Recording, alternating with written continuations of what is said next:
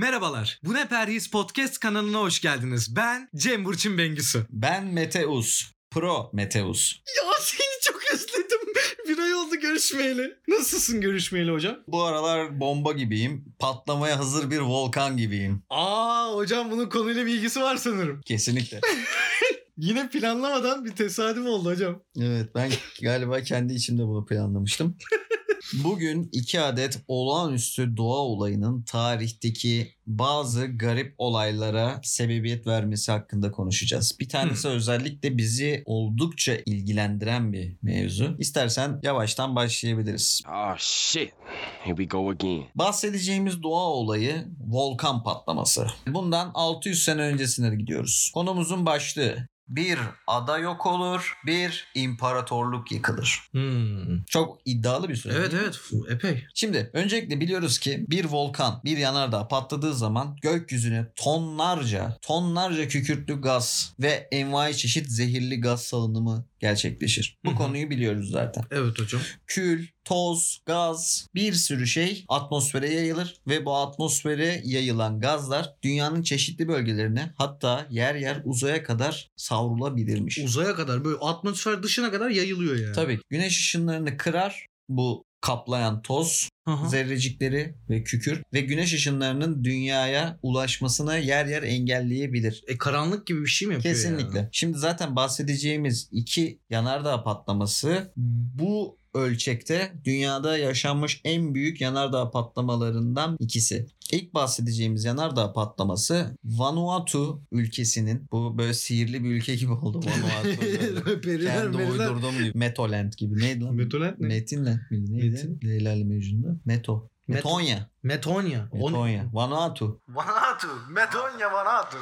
Şimdi 1452 yılı sonu veya 1453 yılı başında Vanuatu ülkesinde Hı hı. patlayan Kuvaye yanardağını konuşacağız. Oh hocam iyice bir kendi dilimizi geliştiririz. Kıvay Şimdi bana. 1453 deyince aklına ne geliyor? İstanbul'un fethi. Kesinlikle. İstanbul'un fethini ne kadar etkilemiş bu Kuvaye yanardağının patlaması bunu konuşacağız. Şimdi bu patlama dünyanın bilinen en büyük patlamalarından biri. Yaklaşık olarak 2 milyon atom bombasının aynı anda patlamasına eşdeğer olduğu söyleniyor. Bu patlama yaşandığı zaman Kuvaye adası olarak bilinen ada ikiye bölünüp Epi ve Tonga adalarını oluşturuyor. Öyle Oo. patlıyor. Oldukça kuvvetli bir patlama. Baya ülkeyi bölüyor yani. 72 kilometre karelik bir oval krater oluşturuyor. Bu patlamanın sonucunda oluşan ve havaya salınan gazlar, kül, toz parçacıkları dünyanın atmosferini kaplamaya başlıyor. Öncelikle 1453 yılında bildiğimiz gibi Osmanlı İmparatorluğu'nun Hakanı Fatih Sultan Mehmet İstanbul şehrini kuşatıyor. Ve bu patlama bundan aylar önce oluşmuş. Ancak bazı düzensiz hava olaylarına sebebiyet veriyor. Mesela bu hava olaylarından birkaçıyla başlayalım. Örneğin Nisan-Mayıs aylarında yani kuşatmanın olduğu aylarda İstanbul'da acayip fırtınalar kopuyor. Yağmurlar bir anda, karlar, ceviz büyüklüğünde dolu yağmurları, seller. Mesela gökyüzü kızıla boyanıyor. Şehrin üstüne yoğun bir sis çöküyor. Yetmiyor. O dönemde oluşan bu gazlardan sonra ay karn kırmızısı renginde parlamaya başlıyor. Şimdi bu bahsettiğimiz şeyleri düşün. Ortada bir kuşatma var. 100 bin kadar olduğu söylenen bir Osmanlı ordusu Bizans şehrini Konstantinopol'ü kuşatıyor ve Konstantinopol şehrinde yaşayan bağnaz insanlar bunun kıyamet alameti olduğunu söylüyor.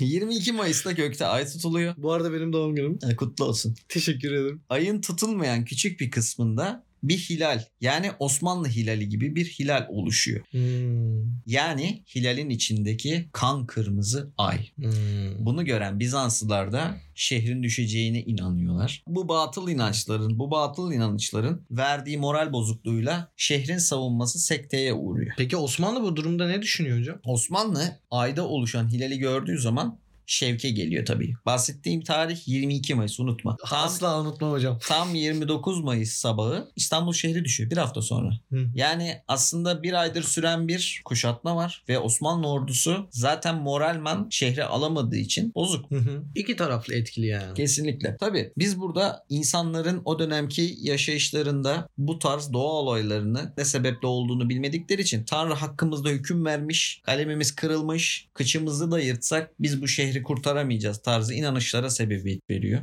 bu tarz doğa olayları. Günümüzde de yaşıyoruz mesela İstanbul şehrinde Temmuz ayında hortum çıkabiliyor. Dolu Evet. yağabiliyor. Şimdi şöyle düşünelim. Savaş olmasa Bizanslı bilim adamları da tüm enerjilerini savaşta Osmanlı'ya karşı strateji geliştirmeye harcamak zorunda kalmasalar bu doğa olayını ölçecekler, biçecekler, inceleyecekler ve belki de Lan paniğe gerek yok. Bunlar Kuvayya'dan kalkan gazlar, al yeşilli tozlar. Küresel ısınma veya iklim değişikliğine sebebiyet veriyor bu insanoğlu. Ama ne oluyor? Yanlış zaman, yanlış mekan. 1452 sonlarında Kuvayya'da patlayan yanardağ 1453 yılında Konstantinopol şehrini bir Türk şehri haline getirebiliyor. Ama hocam Rönesans da bu fethiyle birlikte başlamadı mı? Kuvaya yanardağ Rönesans'a da sebebiyet Evet hocam işte miyiz? onu demek istiyorum.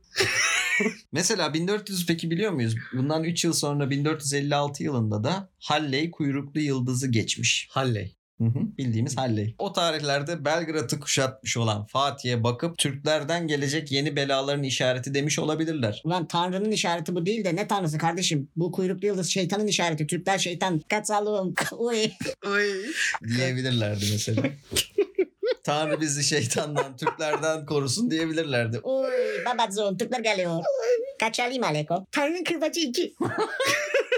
Tanrı'nın kırbacı. Hikayenin sonunu zaten dediğim gibi biliyoruz. Bugün zaten içinde yaşadığımız şehir böyle oluşuyor. Aslında Kuvayi'de patlayan bir yanardağın sebebi Maltepe'de oturan iki tane insanın. Kuvayi'den nereler hocam? Bir ada yok olur, bir imparatorluk yıkılır. Bu arada zaten hani bağlamak istediğim noktalardan biri de şu. Yani 1453 yılında bu tarz bir doğa olayı olduktan sonra oradaki insanların, yaşayan insanların bunu hayra yorması veya şerre yorması kadar doğal bir şey yok. Yani bu ilk insanların ya da işte binlerce sene doğan güneşe veya aya tapması kadar doğal bir şey aslında. Bu tarz batıl inançların olması. Sorun ya da bu ne perhiz dedirten olay ise mesela 1915 yılında Çanakkale Savaşı'nda insanlar kendi teknolojilerinin veya insan güçlerinin veya iyi komutanın, iyi stratejinin savaşın galibi olduğuna inanmak yerine evliyaların bizi koruduğuna ya da büyük bir sisin içinde işte peygamberin komutanlara görünüp ona taktik verdiğini inanmaları. Daha da yakın bir tarihe gelelim. 17 Ağustos 1999 depreminde çok büyük bir doğa olayı sonucu insanlar öldü, insanlar yok oldu ama o dönemi yaşayan insanlar bileceklerdir ki mesela Bursa şehrinde türbeleri evliyalar tuttu. Apartmanlar bir o yana bir bu yana gitti ama işte şeyhler, pirler işte ya da ne bileyim bazı evliyalar mezarlarından kalkıp şehrin yıkılmasını engellediler tarzı. Şeylere de inanılabiliyor 21. yüzyılda. Aslında burada geçmişe baktığımız zaman normal ancak bugün de de aynı şeylerin tekrarlandığını gördüğümüzde garip bir vakaya dönüşen bir olay. Yani o zaman bu doğal patlama sonucunda, volkanik patlama sonucunda oluşan şey garip. İnsanların inancı değil. O zaman için normal düşünebiliyoruz bunlara. Ama bugünden baktığımızda da bir volkanın patlaması sonucunda oluşan veyahut bir sis bulutunun oluşturduğu şeyler normal. Bunlar hakkında olan düşünceler garip vakalar. İzmir'deki depremi ele alalım. Günah işleniyordu. En en aklıma ilk olarak aklıma gelenden sonra ya bir insanın fikri savaş kazandırıyor. Bir fay hattında toplanmış enerji deprem yapıyor. En basitinden düşünmeyi bazen unutuyoruz galiba hocam. Ya da işimize gelmiyor. Gelelim tarihte yaşanmış en büyük ikinci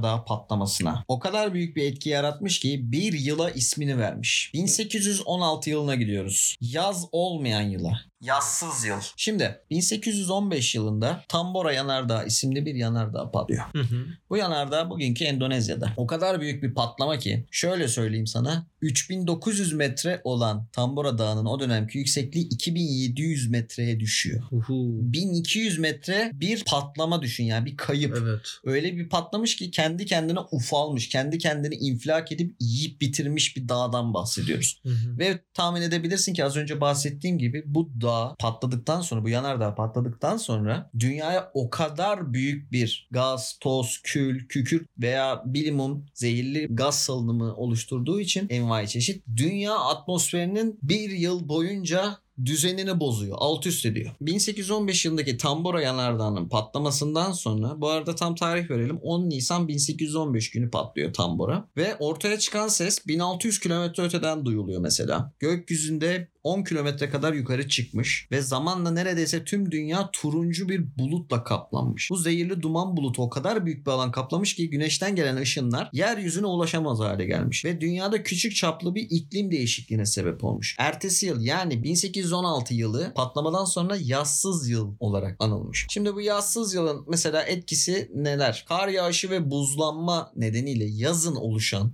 Unutmayalım bunu. Yazın oluşan kar yağışı ve buzlanma nedeniyle çiftçiler ekinlerini kaybetmiş. Buzlanma nedeniyle demir yolları çalışamaz hale gelmiş. Hayvanlar yem bulunamadığından çiftçilerin birçok büyükbaş, küçükbaş hayvanları ölmüş, telef olmuş. Su kaynakları donmuş. Kıtlık, açlık gibi çeşitli felaketler oluşmuş. Mesela insanların duymuş olabileceği İrlanda patates kıtlığının başladığı yıldır araştırılabilir. Salgılanan zehirli gazlar sebebiyle kolera salgını ortaya çıkmış. Yeniden patlak vermiş. Yanardağ patlaması nedeniyle direkt veya endirekt olarak 200 bin kişinin öldüğü tahmin ediliyor. Sadece İrlanda'da mı yoksa Hayır genel hayır. çapta mı? Genel olarak dünya çapında 200 bin insanın bu patlama nedeniyle doğal yani direkt patlamanın yakınlarında bulunduğu için Hı hı. veya yani yanardağ patlamasına sebep olduğu çeşitli felaketler sebebiyle hayatını kaybettiği düşünülüyor. Kıtlık olsun. Kıtlık e, sebebiyle, olsun. Solunan zehirli gazlar sebebiyle, Hmm. donma olayları sebebiyle, çeşitli iklim değişiklikleri sebebiyle. Hı hı. Mesela bizim burada değinmek istediğimiz olaylardan birkaçını örnek verelim. Bu patlama bazı şeylere de sebep oluyor. Mesela ilk bisiklet örneği ortaya çıkıyor. Neden olabilir sence? Ne, neden hocam ne alaka? Bir tahmin yürüt bakalım. Sence ilk bisikletin ortaya çıkmasıyla bir yanardağ patlamasının arasında nasıl bir bağdaşlık kurabilir? Biz taşımayı o dönem neyle yapıyoruz? Ha ha tamam. Hayvanlarla, hayvan gücüyle. Peki kıtlık olursa neyimiz olmaz? Hayvanlarımız var. Hayvanlarımız olmaz. Hayvanlarımız olmazsa bir yerden bir yere yolculuk için başka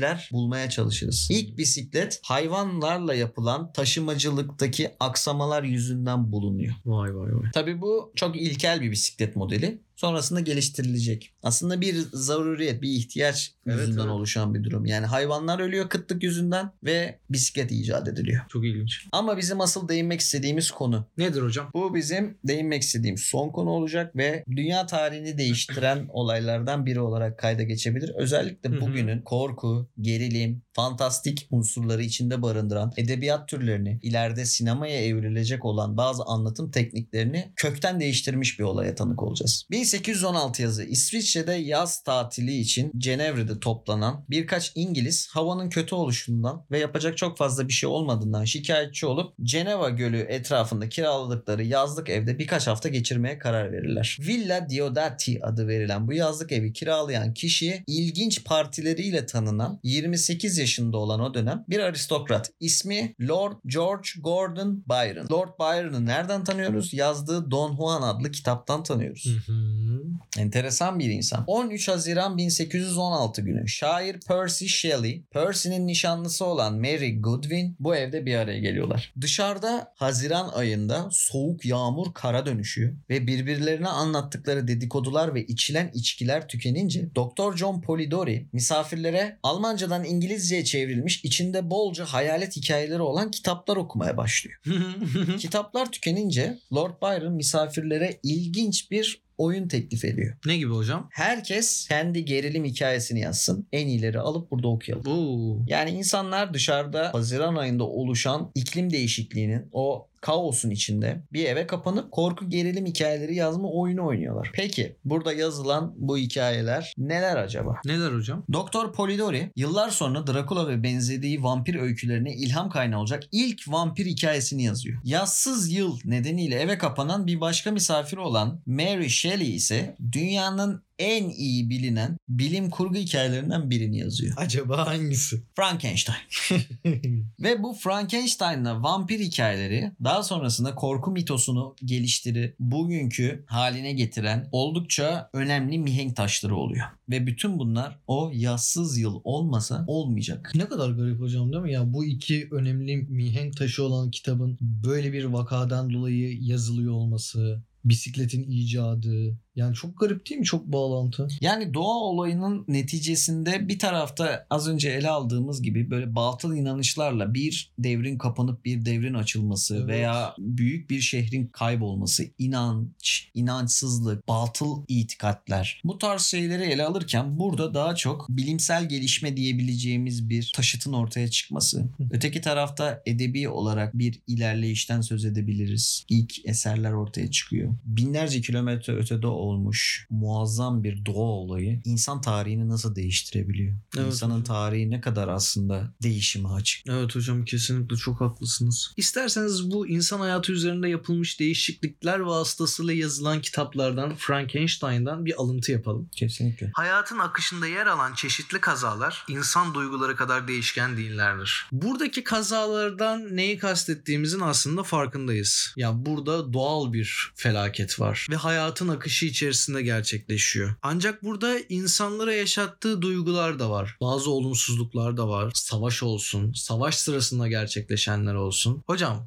Frankenstein kitabında Frankenstein aslında yaratılan değil, yaratan. Yani Evet. doktorun ismi. Doktor Frankenstein. Evet. Hatta basım isimlerinde alt başlık olarak modern Prometheus olarak da geçer. Evet. Bu ne periz dediğimiz üzere isterseniz modern Prometheus'un ne anlama geldiğini de size devredeyim. Prometheus bildiğimiz gibi ateşi insanlara veren yani insanlara bilgiyi sunan. Bizim aslında burada tarihteki o garip tesadüfün bize sunduğu bir gerçek var. Uzakta bir ateş var. Ateş patlıyor. Prometheus gidip ateşi alıyor. Yani yanardağdaki ateşi Doktor Frankenstein alıyor ve insanlığa veriyor. Yani yaratım sürecine. insanı yaratıyor. Bunun sonucunda da çağ atlanıyor. Bisiklet icat ediliyor. Literatüre önemli mihenk taşları ekleniyor. Dünya bir tarafta kıtlıklarla boğuşuyor. Bir tarafta savaşlarla boğuşuyor. Doğa olaylarıyla boğuşuyor. Bir tarafta ama her zaman bizi ileriye götürecek. Bizi yarın için umutla bakmamızı sağlayacak. Bir tarafa bu ne perhiz derken bir tarafa da her zaman aslında ileriye bakmamız gerektiğini bize hatırlatan olaylar oluyor. Her şeyden bir ders çıkarmak gerekiyor. Evet, bu bölümümüzün de finaline geldik. Hocam, bu bölümdeki bilgiler için size çok çok teşekkür ediyorum. Ben teşekkür ederim. Önümüzdeki ayın 20'sinde görüşmek üzere. Hocam Mart 20'de ne konu üzerine konuşacağımızı bir isterseniz söyleyelim mi önceden dinleyicilerimize? Mart'ın 20'sinde değinmek istediğimiz konu bu sefer savaş. Tarihte yaşanmış en büyük iki savaştan iki insanlık olayını ele alacağız. Birinci ve ikinci dünya savaşlarından iki garip vakayı ele alacağız. Süper hocam. Büyük savaşların küçük tesadüfleri. Güzel bir başlık oldu hocam. O zaman 28'indeki Gaspar Noé incelemesine kadar kendinize dikkat edin efendim. Hoşçakalın.